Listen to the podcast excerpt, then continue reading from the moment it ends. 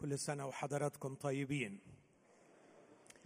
تعودت في كل سنة في مثل هذا الوقت أن أحتفل بموعد أو في الحقيقة مش بالموعد لكن بمجيء الشخص مجيء المسيح إلى هذا العالم بأن أقدم رسالة عن التجسد. تشرح إلى حد ما لماذا التجسد. أو تسلط الضوء بالذات على منطقية التجسد. فالتجسد من وجهة نظرنا وإيماننا المسيحي عمل منطقي وليس فقط منطقي لكنه كان حتمي الحدوث. كان لابد أن الله يأتي لنا في صورة البشر.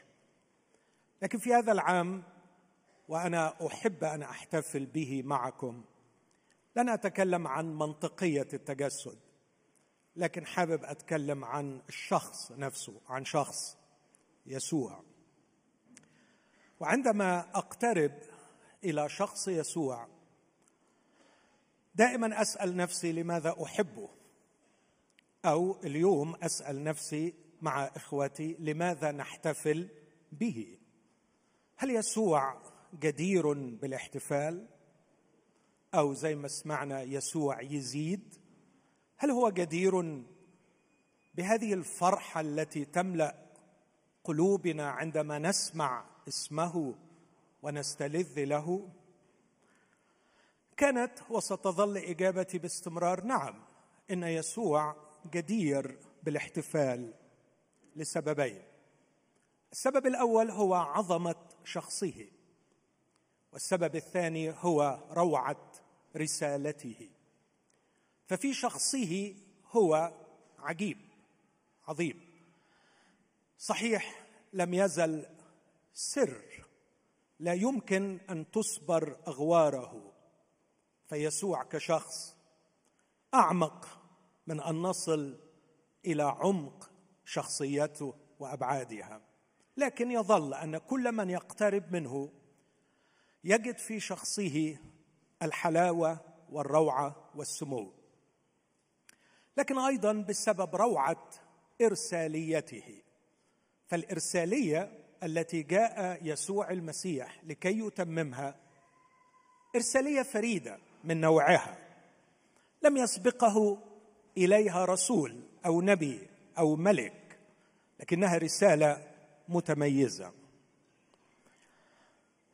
إذا حاولت أن أجيب عن هذا السؤال لماذا أحتفل به؟ أقول باختصار من أجل عظمة شخصه وعظمة إرساليته أو رسالته. لكني لا أجد بصراحة في نفسي الكفاءة أن أتأمل وأخوض في عظمة شخصه.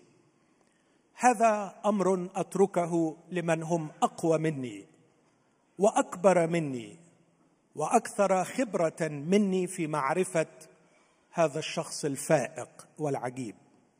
لكني أكتفي بأن أتأمل معكم في هذا الاجتماع وفي الاجتماع القادم في عظمة رسالته.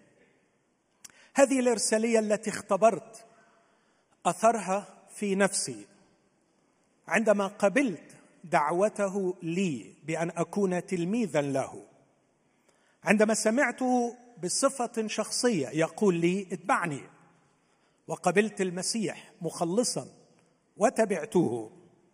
تأكدت وتحققت من تفرد رسالة المسيح ومن عظمة ارساليه المسيح وقوة عمل المسيح في من يقبله مخلصا ويتبعه تلميذا.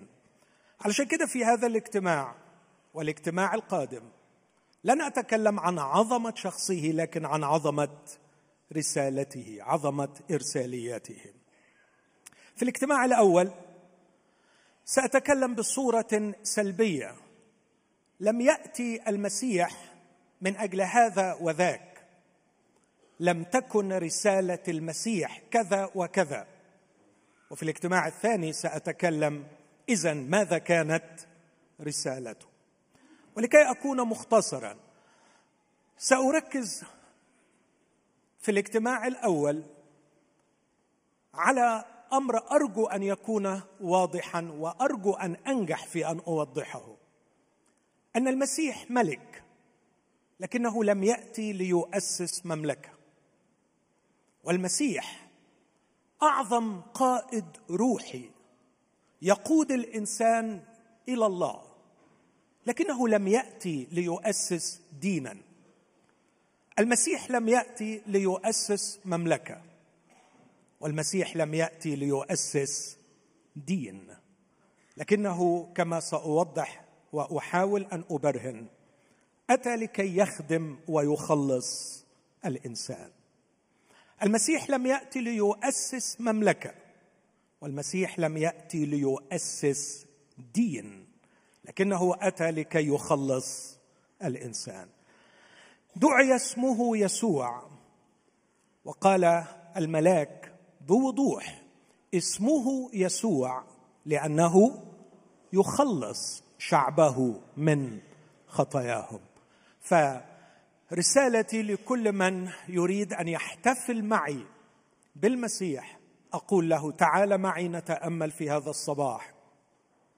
كيف كان مسيحنا لا يبغي ملكا أو سلطانا ولم ياتي ليؤسس مملكة أو دولة لكنه أتى لكي يخلص. وكيف أن المسيح لم ياتي ليؤسس دين بل ليخلص؟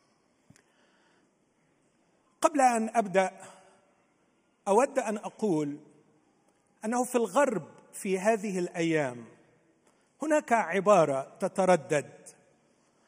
يرددها المسيحيون بكثرة. Jesus is the reason of the season. يسوع هو السبب لهذا الموسم موسم الكريسماس. وهي عبارة صحيحة لكنها مؤلمة للغاية. إنهم يحاولون أن يذكروا الناس من حولهم.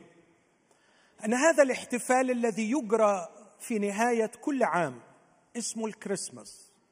هذا الاحتفال عن شخص يسوع المسيح. هذه البلاد أخذت منه الرقي الإنساني. أخذت منه التنوير والحب والعدالة واحترام الإنسان. وبعد أن أخذت منه هذه الأشياء طردته بعيدا. فلم يعد يسوع معروفا في شوارع أوروبا ولم يعد مقبولا في محافل أمريكا وأستراليا والغرب بصفة عامة. يسوع صار مجهولا. لذلك يحاولون أن يذكروا أطفالهم ويذكروا بعضهم البعض أن يسوع هو أصل وسبب هذا الموسم الذي نحتفل به. لماذا أذكر هذا؟ أقول لاننا هنا في بلادنا العزيزة نرى الشجرة في المولات نرى الشجرة في أماكن كثيرة وهذا حسن. لكني أرى أيضا أن إخوتي يحتفلون وهذا حسن. لكني أود أود أن أذكر القاصي والداني البعيد والقريب. من يعرف ونسي أو من لا يعرف. أن سبب هذا الموسم هو شخص يسوع وأنه من السخافة بل من الجهل أن نحتفل بالموسم دون أن نحتفل بصاحب الموسم أن نحتفل بالكريسماس دون أن نحتفل بيسوع. وكيف نحتفل بيسوع؟ لا أعرف طرقا كثيرة للاحتفال به. لكني أرجو أني أحبه أكثر وأعبده أكثر وأتبعه أكثر وأشتهي من يوم إلى يوم أن أتغير إلى صورته أكثر. أشتاق أن أطيعه كتلميذ وأتشبه به كعبد. أشتاق أن أكرمه في الخفاء وفي العلن. أشتاق أني عندما أنطق اسمه أكون قد قدمت للناس صورة وحياة تليق بهذا الاسم الذي أحمله. أشتاق أن لا أجلب عليه عارا أو إهانة بأن لا تكون أخلاقي متفقة مع كلامي. أعتقد أن هذه هي اشواقي للاحتفال به وأعتقد أنه هو يرحب بهذه الطريقة. أما ترانيمنا أما الكونسرتس اللي بنعملها أما احتفالاتنا وأغانينا وملابسنا المزركشة جميلة لكني أعتقد أنها لا تقنعه ولا تكفيه إذا غابت عنا الاحتفالات القلبية الحقيقية بهذا الملك العظيم. أتقدم معكم إلى الاحتفال به بأن أركز الفكر وأرجو أن تركزوا الفكر معي على عظمة رسالة هذا الشخص. وكما ذكرت لن أتكلم عن لماذا جاء المسيح لكن أتكلم عن لماذا أو ما الذي لم يأتي من أجله المسيح كما أوضحت. واسمحوا لي أنتهج أسلوب مختلف هذه المرة. لما فكرت أتكلم عن الأمر ده إنه لم يأتي ليؤسس مملكة أو لم ياتي ليؤسس دين. وجدت نفسي وقد كتبت له بعض الخواطر. في يوم من الأيام كتبت له خاطرة. أني أحبك لأنك مخلصي. وتسير معي رحلة الخلاص. ولم أرك يوما كباقي البشر القادة تتسلط تبغي ملكا أو جئت لتؤسس دينا. ففكرت أن أطور هذه الخاطرة إلى رسالة أكتبها له وقد كتبتها. واسمحوا لي أن أقرأها معكم في هذا الصباح. سأقرأ معكم رسالة إليه. أعتبرها رسالة حب واحتفال بالنيابة عني وبالنيابة عنكم إذا كنتم حابين يعني. تحبوا؟ تحبوا نعبر له عن محبتنا واحتفالنا به أمين.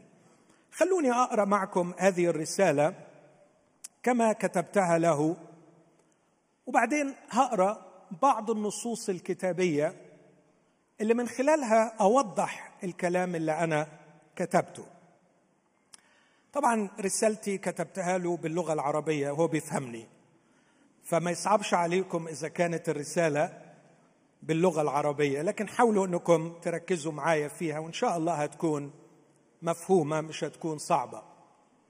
لكن بعد كده أوعدكم إني هتكلم وأنا بشرحها باللغة العامية. جاهزين؟ هذا حديثي إليه في احتفالي به بمولده. أقول له سيدي الحبيب يسوع المسيح أحتفل بك اليوم وكل يوم. مع كل محبيك بعد أكثر من ألفي عام على مجيئك لعالمنا. احتفل بك لأنك أجمل وأسمى وأرقى من عرفنا. لأنك لم تكف يوما يا سيدي عن أن تبهرنا بروعة شخصك وبعظمة رسالتك. وفي هذا المقام لا أقوى ولا اجرؤ أن أخوض غمار التأمل في عظمة شخصك. لكن اسمح لي يا سيدي أن أتأمل قليلا في عظمة رسالتك وتفردها. منذ أن جذبتني إليك وقرأت الأناجيل الأربعة لأول مرة انتبهت لحقيقة واضحة كالشمس. أنك لم تأتي لتؤسس مملكة ولا جئت لتؤسس دينا. بل جئت لكي تخدم وتخلص الإنسان. نعم يا سيدي فعلى الرغم من كونك أسمى الملوك في نظري لم أرك قط تبغي سلطة وعرشا. وعلى الرغم من كونك تقود البشر على مر العصور ولم تزل تقودهم إلى الله الحي الحقيقي. لم أرك قط تتصرف كمن يؤسس دينا. نعم يا سيدي الحبيب لم تكن قط رجل دولة ولم تكن قط رجل دين لكنك كنت دائما رجل أوجاع ومختبر الحزن. اختبرت الأحزان لكي ما تخلص الإنسان. كنت مهموما دائما بخلاصي. أما الممالك التي سمت نفسها على اسمك على مر العصور إنما انتحلت اسمك انتحالا تمحكا في عظمتك وأنت منهم براء. وكذلك الديانة المسيحية نفسها والتي قد تطورت على مر السنين قد ابتدعها للأسف المسيحيون وأنت منها أيضا بريء. نعم لم تأتي يا سيدي لتؤسس مملكة ولا لتؤسس دين. أما من جهة المملكة فكل من أسس مملكة خاض حروبا وقتل مخالفيه.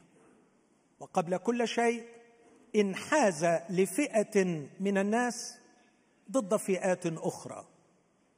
أما أنت يا سيدي فلم تخض حربا ولم تغزو غزوة ولم تقتل انسانا ولم ترفع سيفا ولا حتى رفعت صوتا. نعم يا سيدي بل إن المرة الوحيدة التي أعلنت فيها أنك تقبل من تلاميذك لقب السيد كانت هي المرة التي فيها انحنيت كالخادم عند أقدامهم وغسلتها. لكي تغير لديهم ولدينا مفهوم الملك والسيادة. علمت تلاميذك عن طبيعة رسالتك لكي يسيروا على نهجك من بعدك. فلا يتسلطون على الناس بل يخدمونهم. فقلت لهم أنتم تعلمون هذا نص اقواله أنتم تعلمون أن الذين يحسبون رؤساء الأمم يسودونهم وأن عظماءهم يتسلطون عليهم. فلا يكون هكذا فيكم. بل من أراد بل من أراد أن يصير فيكم عظيما يكون لكم خادما. ومن أراد أن يصير فيكم اولا يكون للجميع عبدا. لأن ابن الإنسان أيضا لأن ابن الإنسان أيضا لم يأتي ليخدم بل ليخدم وليبذل نفسه فدية. عن كثيرين. علمتهم يا سيدي أن مفهوم الرئاسة بين البشر والذي عندهم هو بالسيادة عليهم وأن العظمه بينهم هي بالسلطة عليهم أنه مفهوم شرير. جئت لتقلب الموازين لتقول أن العظمه الحقيقية هي بالخدمة التاعبة للبشر. وأن الارتقاء لمقدمة القيادة في أي موقع هو نتيجة الاتضاع والخدمة الباذلة المضحية من أجلهم. وأكثر ما كشفت وأكثر ما كشفت طبيعة رسالتك كخادم لكل البشر دون أدنى تمييز بين إنسان وإنسان. هو هذا اللقب العجيب المحبب لك. اللقب الذي اخترته لنفسك وقدمت نفسك به للبشر. ابن الإنسان. ابن الإنسان. واتضح لي جليا من قراءتي لسيرتك العطرة في الأناجيل. كم كان هذا اللقب محببا لك؟ فلم تختر لنفسك لقبا غيره. حتى أنك كررته واحدا وثمانين مرة في الأناجيل الأربعة. ابن الإنسان. أسمعها كلحن عذب ينساب من بين شفتيك يجذبني إليك فأتعجب متسائلا. هل كل هذا الرقي والذكاء للإنسان؟ هل كل هذا الحب والعطاء للإنسان؟ نعم يا سيدي كنت بإنسانيتك المبهرة تجذب إنسانيتي المدمرة والتي غاصت في أوحال حيوانيتي لترتقي بها بل وتحييها وتخرجها للنور بعد أن ماتت وأنتنت. وإذ أحاول فهم سر هذا اللقب البديع الذي اخترته لنفسك ابن الإنسان. فإني أظن أنك كنت تريد أن تقول لي ولكل إنسان أنك تنتمي إلينا وأنك بجملتك لنا. أتخيل يا سيدي لكي أفهم هذا؟ أتخيل يا سيدي لكي أفهم هذا أن شخصا مصريا عظيما ونبيلا عالما جليلا اخترع علاجا فعالا يخص الناس يخلص الناس من أشرس الأمراض. وبعدما أنتج العلاج وعرضه بالمجان لكل الناس من كل الأجناس سمى نفسه ابن مصر.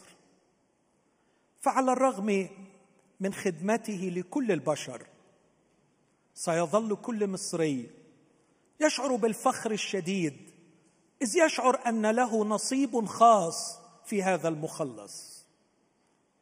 أما أنت فعندما دعوت نفسك ابن الإنسان ولم تدعو نفسك ابن إسرائيل ولا ابن داوود ولا حتى ابن إبراهيم لم تدعو نفسك إلا ابن الإنسان كنت تعلن بكل قوة أن انتماءك الأول والأخير وانحيازك الأول والأخير هو للإنسان. جئت جئت ابن الإنسان لكي تستنهض في كل إنسان إنسانيته التي فقدها وبجهل وحماقة استعاض عنها استعاض عن إنسانيته بهوية دينية. أو طائفية أو حتى قومية. فكان هناك اليهودي والسامري والفريسي والصدوقي وغيرهم.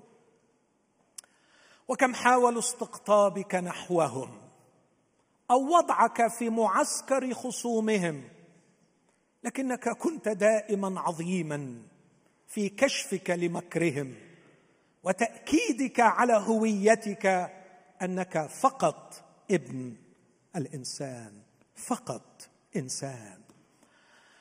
رأى الصدوقيون إدانتك الشديدة للفريسيين فظنوا أنك معهم من فريقهم.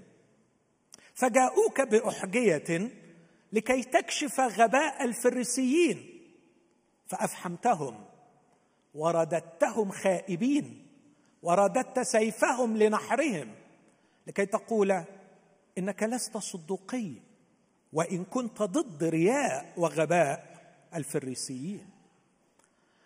وشتمك اليهود شتموك وقالوا لك إنك سامري وبك شيطان. فرفضت تهمة الشيطنه ولكنك لم تقل أنك لست سامريا على الرغم من أنك لست سامري لكي لا يظن أحد السامريين أنه ليس له نصيب فيك.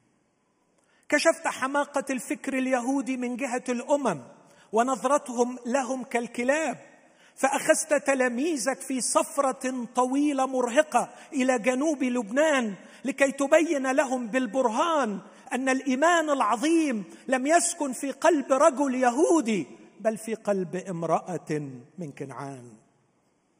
كم هو عظيم إيمان المرأة الكنعانية؟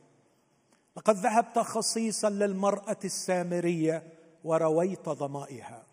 وذهبت خصيصا للمرأة الكنعانية وعظمت إيمانها وشفيت ابنتها. لكي تقول للجميع في كل العصور أن المرأة إنسان وأن السامري إنسان وأن الكنعاني إنسان. قد كان انحيازك وانتماؤك الأول والأخير هو للإنسان. لم يفهم تلاميذك حتى المقربين منهم كيعقوب ويوحنا لم يفهموا هذا النهج الجديد. فتصرفوا كيهود يدور كل فكرهم حول الملك لإسرائيل. فعندما رأوا رفض قرية للسامريين رفضهم لك لكي تخلصهم وتشفي أمراضهم. طلبوا منك أن تأذن لهم بأن يطلبوا نارا من السماء كما فعل إيليا لتحرق هؤلاء السامريين. فانتهرتهم. انتهرتهم موبخا معلنا روعة رسالتك بأنك لم تأتي لتحارب القبائل وتجبرهم على الإيمان بك بل قلت لهم قلت لهما لستما تعلمان من أي روح أنتما لأن ابن الإنسان لم ياتي ليهلك أنفس الناس بل ليخلص. فمضوا إلى قرية أخرى. وعندما رجعت لكتب الأنبياء في العهد القديم أبحث عن سر هذا اللقب الذي اخترته لنفسك ابن الإنسان. وجدته فقط بوضوح شديد في سفر دانيال. وأكثر ما أدهشني أنه جاء في مقابلة مع كل أنظمة الحكم التي حكمت البشر في تاريخهم. جاء مغايرا ومضادا لحكم بابل وفارس واليونان والرومان. لقد تميزت بابل بسطوه وقسوة حكم الفرد. وتميزت فارس بسطوه وقسوة حكم الشريعة التي لا تنسخ. وتميزت اليونان بسطوه وقسوة حكم العقل الذي ينحاز للفلاسفة ضد البسطاء. وتميز حكم الرومان بسطوه وقسوة حكم القوة الذي يبغي المجد بأي سبيل. في كل هذه الأنظمة كان يتعظم الملك أو الدستور أو العقل أو المجد وينسحق الإنسان. في كل هذه الأنظمة كان يتعظم الفرد الملك أو الدستور أو العقل أو المجد وينسحق الإنسان. لذلك رآهم دانيال في صورة وحوش لا بشر ولا حتى حيوانات. وحوش مخيفة سحقوا بعضهم بعضا وسحقوا الإنسان.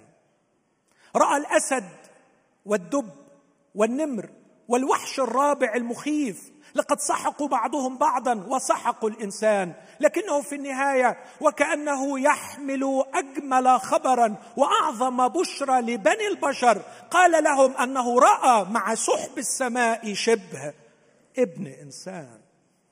جاء ابن الإنسان. جاء مع سحب السماء كملك عظيم لكي يملك ملكا من نوع جديد وعجيب. إذ يكرر ثلاث مرات أنه أخذ المملكة ليعطيها لشعب قديس العلي. لم يأخذ المملكة لنفسه لكن ابن الإنسان أخذ المملكة من فم الوحوش لكي يعطيها لشعب قديس العلي. جئت يا سيدي وليس كأنك تبغي ملكا. جئت لا لكي تملك. لكن لتملك البشر.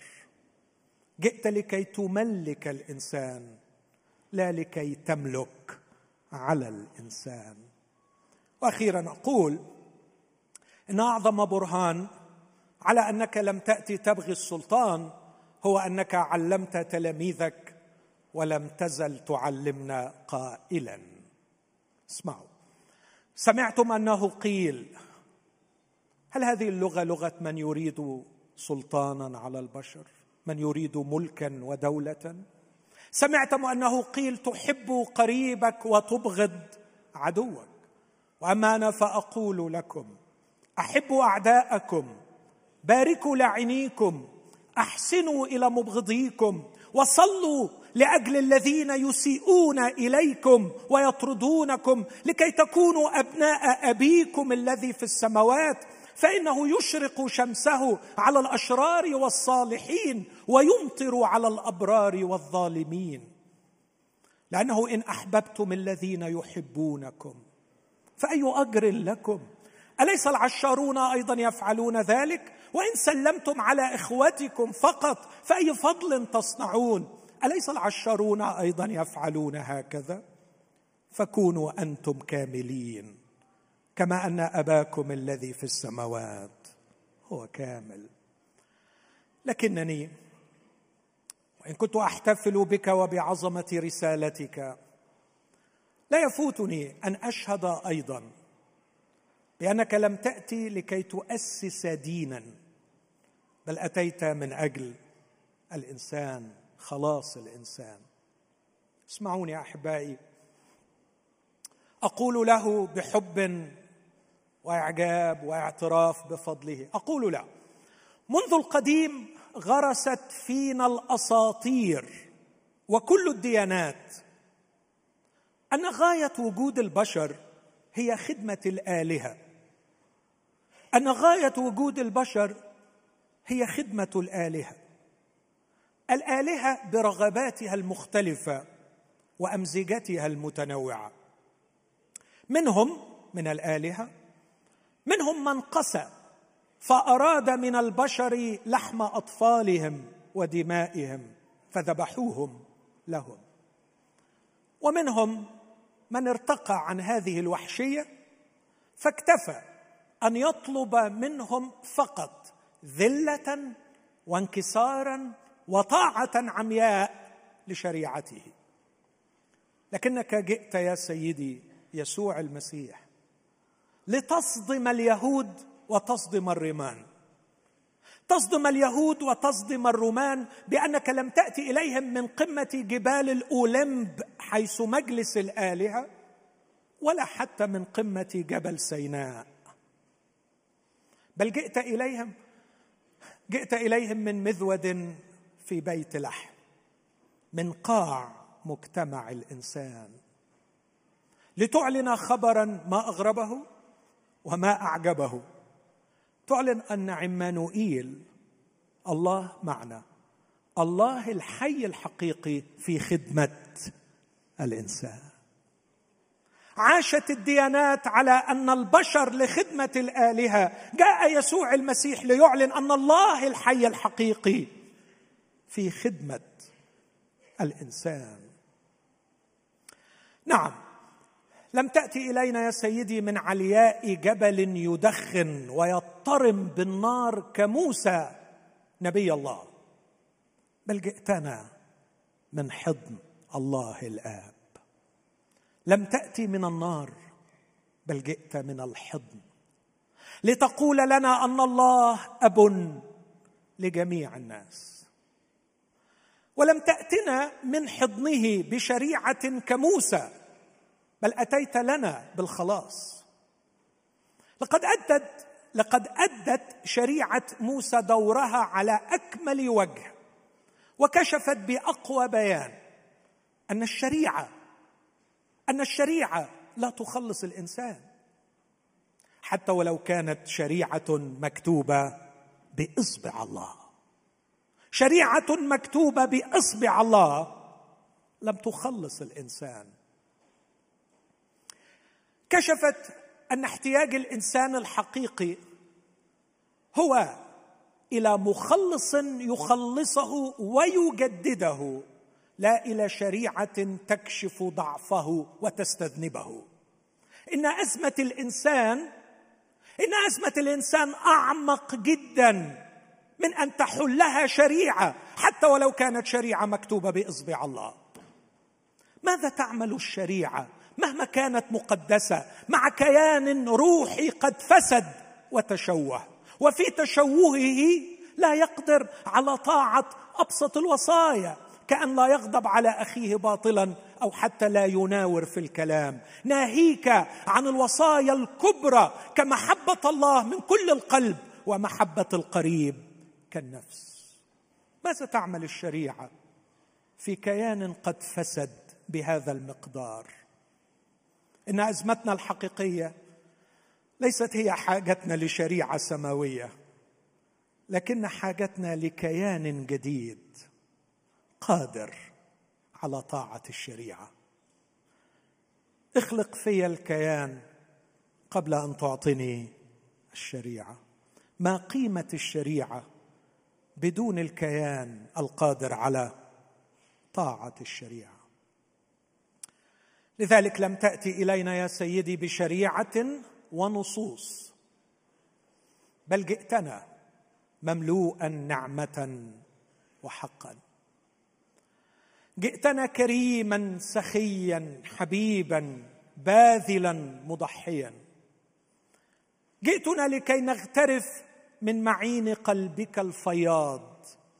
نعمة فوق نعمة فوق نعمة. ففي ذل أمراضنا وجدنا لنا فيك نعمة فتحننت وشفيتنا. وفي مذلة جهلنا وجدنا لنا فيك نعمة فتحننت وجلست وعلمتنا. وفي عار خطايانا وجدنا لنا فيك ليس نصا يديننا ويستذنبنا بل نعمة تغفر لنا وترفعنا. وفي ضعف بشريتنا. وجدنا لنا فيك. لا فرضا يكشفنا بل نعمة ترثي لنا وتدعمنا. وفي عطشنا الروحي وجدنا لنا فيك. لا طقسا يوهمنا بالارتواء بل نعمة حقيقية تروي ظمأنا. جئتنا جئتنا من الله الحق كاشفا كل الحق. لتكشف أن الله الحق هو كلي الحب وليس لديه لنا سوى فيض النعمة. كانت رسالتك الروحية هذه صادمة لعبدة الدين. كانت رسالتك الروحية صادمة لعبدة الدين.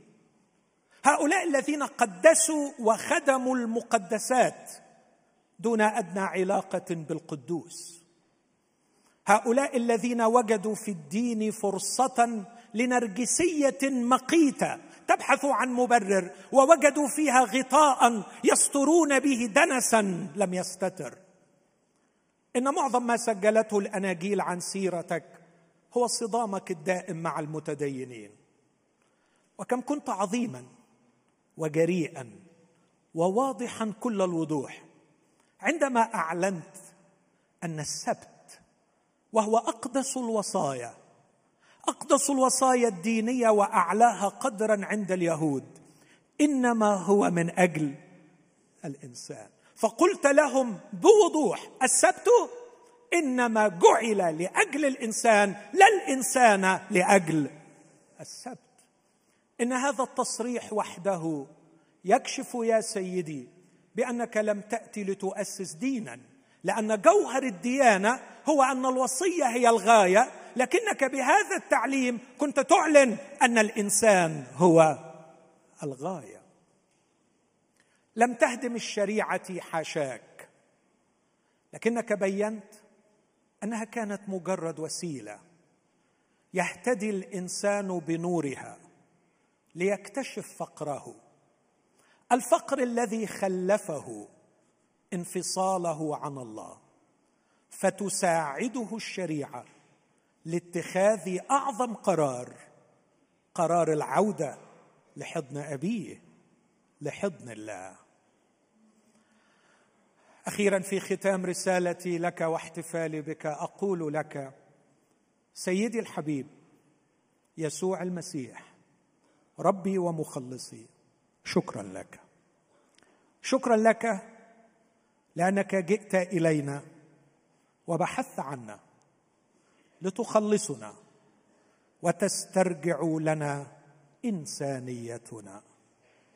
شكرا لك لأنك لم تقف بعيدا على حافة هاوية حمأتنا ترشدنا كيف نخرج منها. بل يا سيدي بكل الحب نزلت إلى أوحالنا نزلت إلى أوحالنا وحملت عنا خطايانا وذقت موتنا لكن مجدا لك. فقد قمت وارتفعت ورفعتنا. شكرا لك.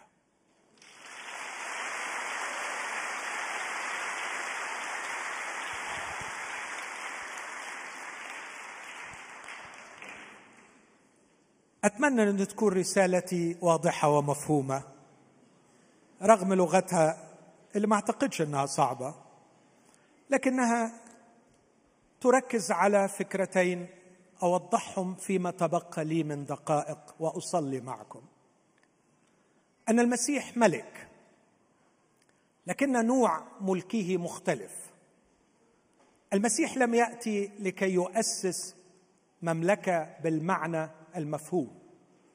لم يأتي لكي يكون رجل دولة. لم يأتي لكي يؤسس دولة. لكن المسيح أتى مهموم بالإنسان. شغله الشاغل هو الخروف الضال. شغله الشاغل الفرد الذي لا يسمع عنه أحد. شغله الشاغل المحتقر والمخذول من الناس. كان شغله الشاغل أن يبحث عن السامرية وأن يذهب إلى زكه العشار وأن يدخل المجامع في يوم السبت يبحث عن من نبذهم المجتمع عن الأبرص عن ذو اليد اليابسة. ذهب ليجعل نفسه متاحا لامرأة تنزف. كان يجول يبحث عن الإنسان لكي يصنع خيرا ويشفي جميع المتسلط عليهم إبليس. عندما ترى يده ممدودة تأكد أنها ممدودة لشفاء إنسان واسترجاع قيمة إنسان. سواء كان هو الذي أهدر قيمة نفسه أو المجتمع قد أهدرها له.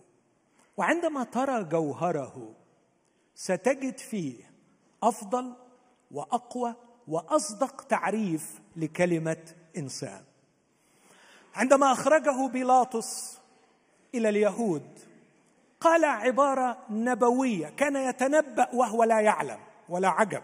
فقد تنبأ قيافه أيضا في نفس المشهد وقال خير لنا أن يموت إنسان واحد عن الأمة ولا تهلك الأمة كلها. كان قيافه يتنبأ دون أن يعلم وأقول إن بيلاطس تنبأ ولا عجب فحمار بلعام أيضا تكلم في يوم من الأيام.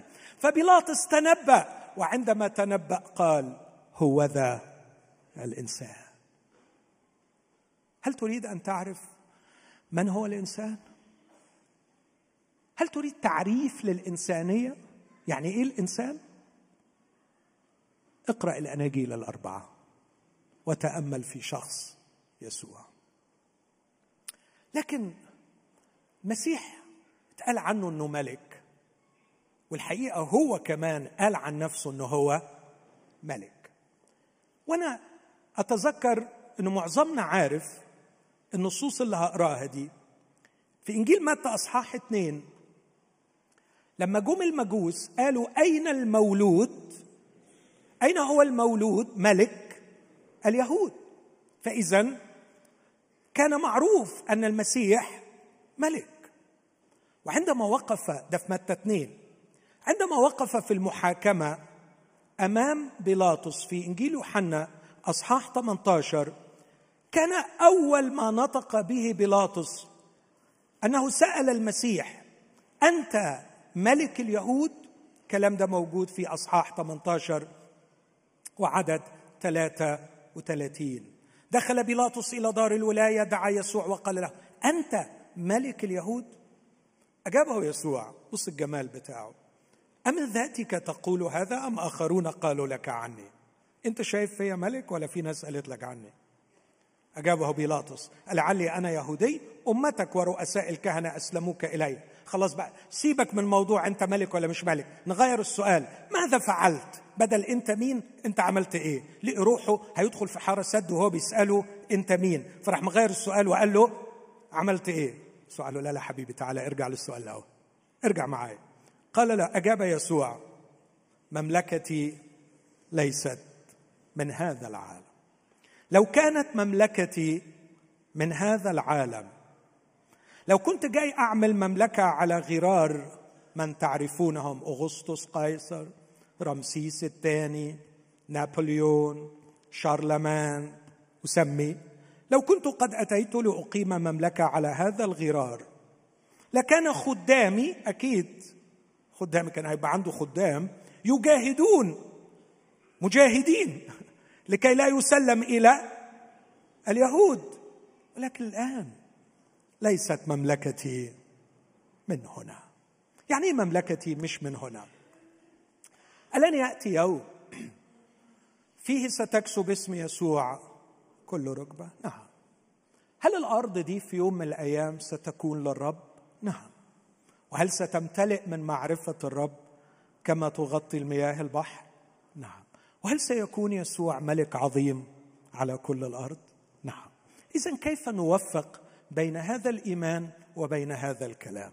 اسمحوا لي أقف معاكم وقفة صغيرة قوي عند واحد اسمه مونتسكيو مونتسكيو أي حد درس شوية سياسة لازم يكون قرأ للراجل ده. السياسة الحديثة كلها السياسة. العالم المعاصر كله ولا سيما الثورة الفرنسية والثورة الأمريكية والدستور الأمريكي يقوم على ما كتبه هذا الرجل في كتاب اسمه روح القوانين. روح القوانين. خلونا أقول لكم الراجل ده بيقول خلاصة جميلة.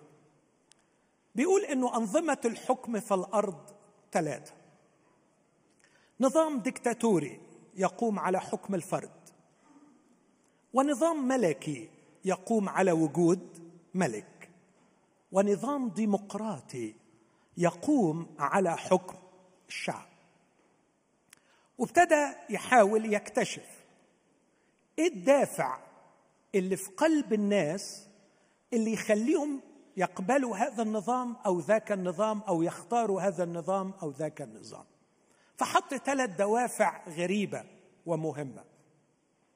قال أن الدافع الذي يجعل البشر يقبلون الحكم ويسلكون بخضوع وطاعة في حكم الفرد هو دافع واحد الخوف. لابد من الخوف. لابد من الخوف يسود وينتشر ويملأ القلوب رعدة لكي يستمر الحكم. أما المجد الملكي لكي يكون هناك حكم عند دولة حكم ملكي ويقبل الشعب بهذا الحكم فالأمر يحتاج إلى الفخر يحتاج إلى الماجستي إلى الفخر. فيعظمون الملك وكل الشعب يحاول أن يفتخر بملكه فيجد في هذا الافتخار قوة دافعة توحدهم وتخضعهم لهذا النظام. لكن لما جه عند حكم الشعب الديمقراطي قال إن الدافع الوحيد ده مش كلامي اللي فات من ساعة ما بدأت ده مونتسيكيو الدافع الوحيد للحكم الديمقراطي هو فضيلة سماها قمة الفضائل وقال أن هذه الفضيلة هي أن يصل الإنسان أن يجعل صوالح الآخرين وخيرهم أهم من نفسه. فقط فقط فقط. طبقا لأستاذ الأساتذة في السياسة والفلسفة يقول لكي يكون هناك هذا الحكم العادل الحكم الذي ينشده كل إنسان متحضر لابد من هذه الفضيلة أن يرتقي الإنسان ويجعل الآخر قبل نفسه. إخوتي لما تقروا الأناجيل الأربعة تكتشفوا ببساطة الأمرين دول. تكتشفوا أن المسيح جاء لكي لا يفرض أكيد حكما ديكتاتوريا حكم الفرد وأكيد لم يأتي لكي يفرض حكما ملكيا. لكن حتى لم يأتي لكي يقيم حكما ديمقراطيا لكن جاء لكي يخلق الفضيلة التي تؤسس لحكم ديمقراطي. وكأنه يقول بدون هذه الفضيلة بدون هذا الخلق الجديد لكيان يعتبر الآخر أفضل من نفسه ويقدم الآخر عن نفسه ويعتبر صوالح الآخرين وخيرهم أهم من صوالحه لا يمكن أن تحلم دولة أو شعب بحكم ديمقراطي. أين الفضيلة؟ أين الفضيلة؟ هل هل تقوم المعاهد والجامعات بخلق الفضيلة في القلوب؟ هل استطاعت كل النظم الدينية والسياسية والتعليمية أن تخلق الفضيلة؟ كلا. أقول يا إخوتي كان المسيح حكيما عجيبا رائعا. أتى لكي يغير القلب البشري. أتى لكي يخلق هذا الحب. عشان كده بيقول لهم حتى من يسيئون إليكم صلوا من أجل الذين يسيئون إليكم ويبغضونكم. نعم لم يأتي ليؤسس حكما ديمقراطيا لكن أتى لكي يخلق الفضيلة القادرة على إيجاد الحكم الديمقراطي. لكن الأمر الثاني البديع هو لماذا اختار لقب ابن الإنسان؟ اختاره لأنه جاء هذا اللقب في مقابلة مع الوحوش الأربعة التي حكمت البشر على مر التاريخ. في سفر دانيال. وهذه رؤية ورؤية مكتوبة في القرن تقريبا السادس قبل الميلاد. أعرف إن في ناس بيشككوا في هذا لكن تشكيكاتهم ذهبت أدراج الرياح مع هؤلاء الأساتذة المبح المحققين والباحثين الذين أثبتوا أن دانيال كتاب قديم. تنبأ نبوات عجيبة وغريبة حدثت بعد كتابتها بمئات السنين. أنصح كل شخص بأن يحترم النبوة في الكتاب المقدس. فالكتاب المقدس ينبئ عن أحداث قبل حدوثها بمئات بل وألاف السنين. في دانيال سبعة رأى دانيال رؤيا وكانت الرؤيا مزعجة. دانيال سبعة عدد واحد. رأى دانيال حلما ورؤى رأسه على فراشه. حينئذ كتب الحلم وأخبر مش بكل الكلام أخبر برأس الكلام. إيه الكلام اللي قاله لنا؟ كنت ارى في رؤياي وإذ بأربع رياح السماء هجمت على البحر الكبير صعد من البحر أربعة حيوانات. الترجمة الأدق بيستس وحوش. هذا مخالف ذاك. الأول كالأسد وله جناحان عشان كده مش حيوان دي حاجة عجيبة غريبة مونستر وكنت أنظر حتى انتتف جناحاه وانتصب عن الأرض. وأوقف على رجلين كانسان وأعطي قلب إنسان. بصوا الإبداع لما بيوصف نبوخذ نصر في الجريمة اللي عملها كيف سحق البشر بس في آخر أيامه إيه اللي جرى له؟ حد فاكر؟ تاب ورجع إلى الله فتبدل قلبه عن الحيوانية وأعطي قلب إنسان. عجبي. وكأنه عايز يقول مش هيبقى عنده قلب إنسان إلا لما يرجع إلى الله. فكان الحيوان الأول هو هذا الأسد لكن الثاني كان كالدب. ارتفع على جنب واحد إشارة إلى أن الإمبراطورية بدأت مادي وفارس وبعدين فارس غلبت على مادي. وبعدين نمر والنمر على ظهره أربعة أجنحة طائر وكان للحيوان أربعة رؤوس. الإسكندر الأكبر بسرعة رهيبة وخلال 11 سنة امتلك العالم كله. فعشان كده عملوا نمر نمر سريع وكمان عنده أربع أجنحة. لكن الأغرب يقول كان له أربع رؤوس لأنه لما انكسرت الإمبراطورية الرومانية انقسمت إلى أربعة ممالك الشمال والجنوب سب مقدونيا وبقية أوروبا. لكن في الآخر الإمبراطورية الرومانية حيوان رابع هائل قوي شديد جدا له أسنان من حديد أكل سحق داس. وهذا ما تفعله في البشر أكل وسحق وداس خرج من بين القرون العشر قرن يتكلم بعظائم لكن تنتهي القصة المؤلمة في عدد تسعة. كنت أرى أنه وضعت عروش وجلس القديم الأيام. لباسه أبيض كالثلج شعر رأسه كالصوف عرشه لهيب نار بكراته نار متقدة نهر نار جرى. منظر رهيب شايفه دانيال عمال يوصفه. فجلس الدين وفتحت الأصفار. يعني عايز يقول هيجي يوم وسيقف الجميع أمامه وستفتح الأصفار وسيعطي كل إنسان حسابا عن ما فعل. إسكندر هيقف قدامه نابليون هيقف هتلر ستالين سمي. سمي ولا تبخل وضع كل الأسماء. فالجميع سيقف قدامه. وتفتح الأصفار. بس اسمع بقى. وكنت أرى في رؤى الليل عدد 13 وإذا مع سحب السماء مثل ابن إنسان. أتى وجاء إلى القديم الأيام. فقربوه قدامه. فأعطي سلطانا ومجدا وملكوتا لتتعبد له كل الشعوب والأمم والألسنة. سلطانه سلطان أبدي ما لن يزول وملكوته ما لا ينقرض. إزاي يعني هيسيطر على الناس؟ لا. لما تروح لسفر الرؤيا تلاقيه قاعد على العرش كخروف قائم كأنه يعني وصل إلى هذا المكان من خلال العطاء. والبذل والحب والتضحية. حتى الموت موت.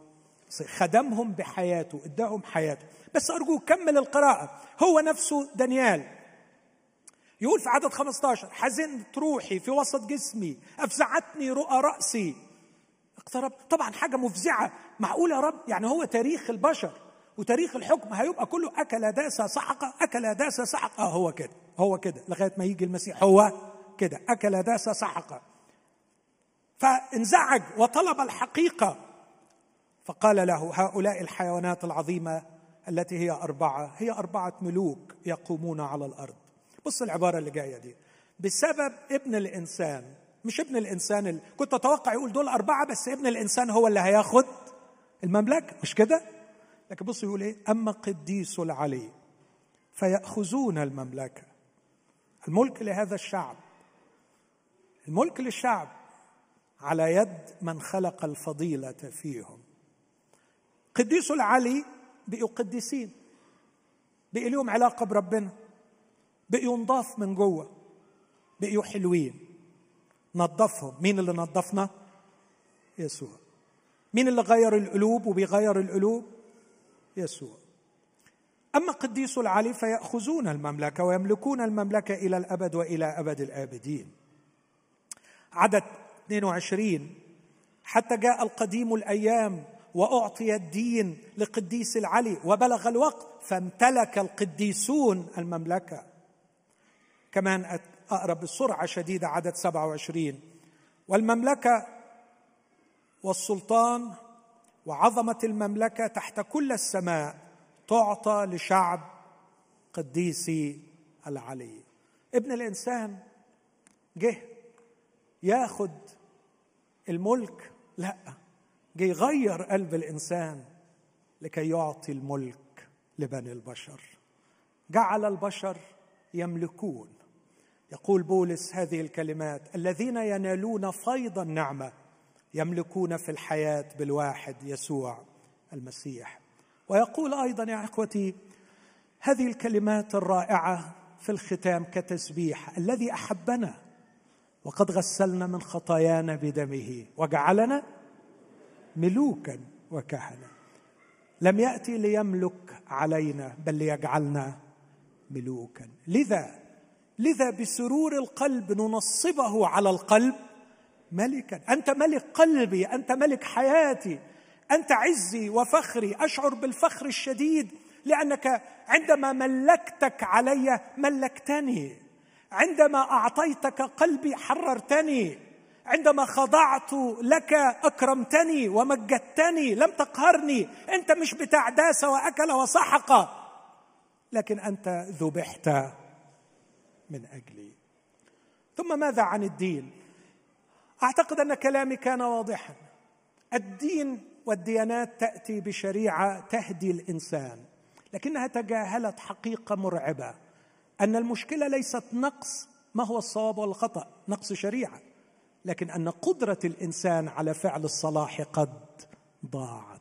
ليس عندنا قدرة لكي نفعل الصلاح. يسوع جه بيقول الشريعة على العين والرأس لكن يعمل إيه الغلبان الإنسان؟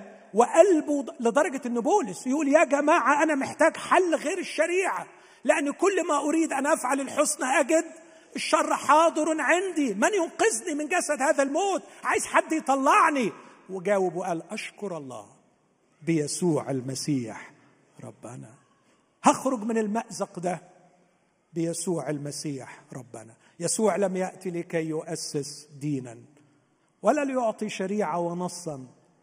أتى لكي يغير قلب الإنسان. أعتقد أن ندرة رنمت معاكم ده يسوع.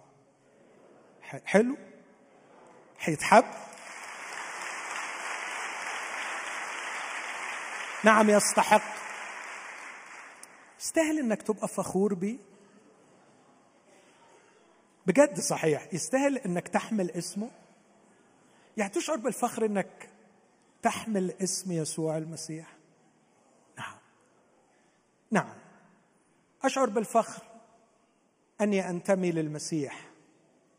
لا لأنه أعطاني قدرا ولا ملكا في الدنيا لكن لأنه خلاني إنسان. لقبه الكريم 81 مرة يكرر تصوروا بحثت بدقة ولا مرة لقب نفسه بغير هذا اللقب. إيه رأيكم في, في, في النبل ده؟ ابن الإنسان. عايز يقول لكل امرأة ورجل أنا ابنكم أنا لكم. لم آتي لأجل إسرائيل لم آتي لأجل الرومان أتيت من أجل الإنسان. هل أنت إنسان؟ لك نصيب في يسوع. عايز حد يسترجع لك إنسانيتك؟ يسوع موجود. في الاجتماع الجاي هتكلم عن الطريقة اللي يسوع يرجع لنا بيها انسانيتنا هتكلم عن نظرية كده بشتغل عليها أسميها الالتحام. جاي يعمل لنا عملية التحام وتلزيق لأنه حضراتكم هتكتشفوا إن إحنا اتفشكلنا وتفركشنا وتبعزقنا من جوه. فبقينا منفصلين عن الله منفصلين عن بعض منفصلين عن أنفسنا. ومنفصلين عن جسدنا ومنفصلين عن أشغالنا. وهو حبيب قلبي جه يلمنا جه علشان يلحمنا ويصالحنا ويلزقنا ويرجعنا ويطلعني في الآخر إنسان. خلونا نقف مع بعض في الدقائق اللي جاية. دي بتاعته هو. عايزين نفرح بيه. خلونا نبدأ وأنا أقول له أنا هفرح بيك. علشان أنت أنت اللي بتغنيني. أنا هفرح بيك وهفتخر بيك. أحبك. يا رب يا قوتي الوقت اللي جاي فرصه تعبر بنشاط بحماس عن حبك للملك العظيم. مولود المذود. جاء إلينا من قاع مجتمع البشر لكي يرفعنا إلى مجد السماويات. جاء لكل إنسان ليستعيد لنا إنسانيتنا. أعتقد أنه يستحق الاحتفال يستحق الفخر يستحق أن تشعر بالشرف أن تشرف لأنك تعرف يسوع ولأن يسوع يعرفك. عبر له وافرح به. وافتخر به لكن ما تنساش من فضلك. هختم باللي بدأت به. احتفالنا به ينبغي أن يكون من خلال أخلاقيات. في الخفاء تليق بهذا الاسم الحسن الذي دعي علينا. مين يقول معايا أمين؟ عهد أمام الرب أخلاقيات في الخفاء. في الخفاء حين لا نترانا أعين الناس يا رب. في الخفاء نسلك بأخلاق تليق باسمك الذي دعي علينا. آمين. أنا هفرح بيك علشان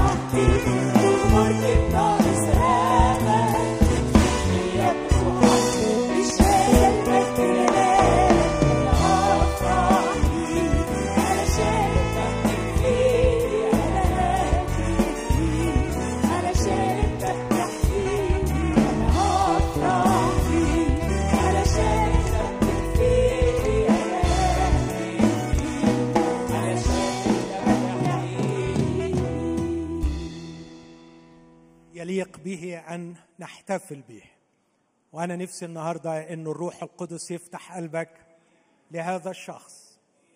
النهارده فرصة رائعة إنك تتفك من الكآبة والذل اللي أنت فيه. تتفك من الحبسة اللي أنت فيها. جاء يسوع يشفي المنكسر القلوب. جاء ينادي للمأسورين بالإطلاق. ينادي للمسبيين بالعدل. كيف؟ أن يخرج إنسانيتك إلى النور. جواك إنسانية ماتت دفنت لكن من أخرج لعازر قادر أن يخرجك. من لمس وطهر وأحيا الميت جوه النعش طلعه يقدر يطلعك. يسوع إنسان جه يموت ويتوحد معانا في موته وقيامته عشان يخرج إنسانيتنا للنور. خلونا نقول ده يسوع حلو قوي هو حلو فعلا. تعالوا نغني ونقول عن بنختبر واختبرنا وهنختبر. إنه حلو قوي. ده يسوع.